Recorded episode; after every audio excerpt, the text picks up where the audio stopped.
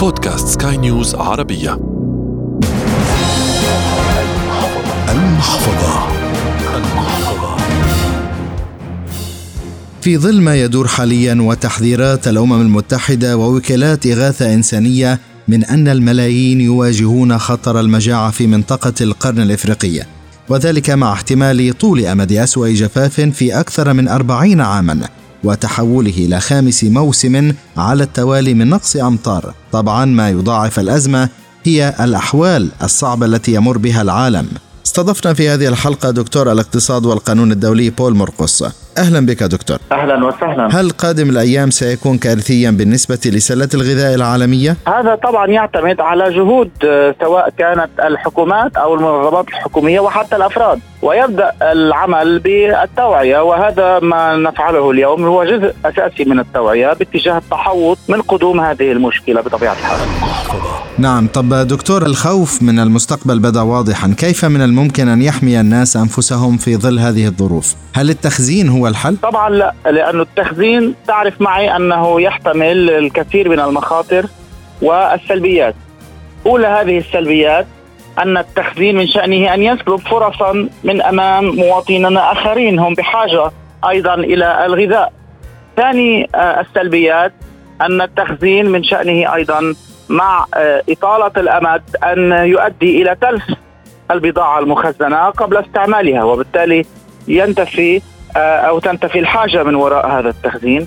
فضلا عن أنه يعني يطرح إمكانية السعي إلى مكاسب ومطامع وضرب مبدأ المساواة بين الناس. وبالتالي هذا ليس بطبيعة الحال هو الحل. الحل يبدأ بتحسس الحكومات والمنظمات الحكومية وغير الحكومية والأفراد بضرورات ما نص عليه في العهد الدولي الخاص بالحقوق الاجتماعية والاقتصادية لعام 1966 أخص بالذكر هنا المادة 11 من هذا العهد الذي يعني صادقت عليه آه، كثر آه، من الدول وبالتالي أصبح بمثابة شرعة نهتدي بها. الفقرة باء منه أو من المادة 11 تنص على تأمين توزيع الموارد الغذائية العالمية توزيعا عادلا في ضوء الاحتياجات طبعا.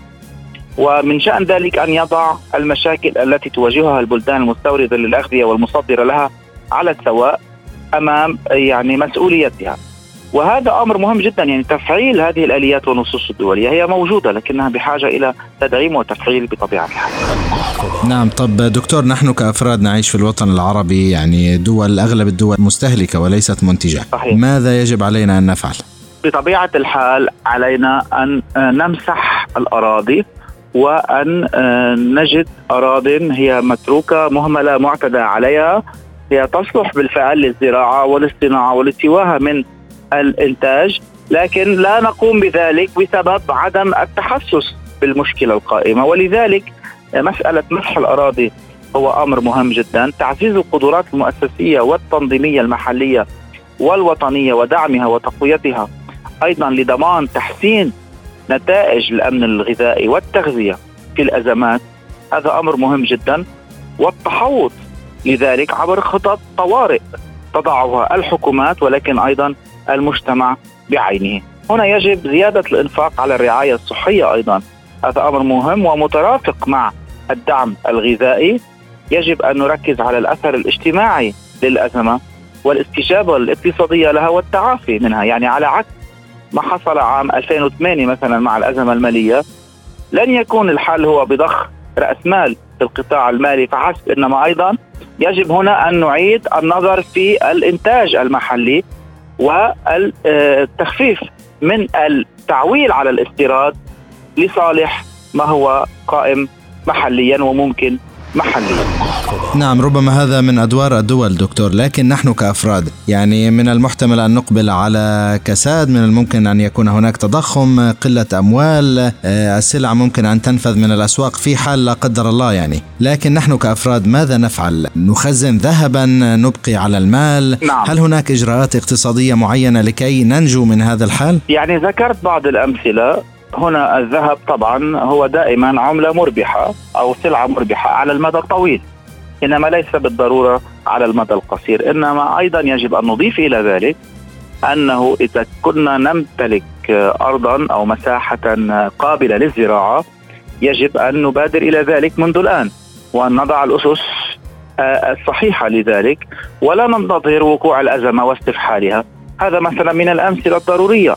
التي يجب أن يذهب إليها المواطن وإن كانت لديه يعني اراض كبيرة يمكن له أن يشترك فيها مع آخرين وفقا لصيغة تقوم على التعاقد والتعاون في القطاع الخاص وتأمين آه، نوع من الستراكشرز أو يعني البرمجة المتعلقة باشراك قوى آه، عاملة أو يد عاملة.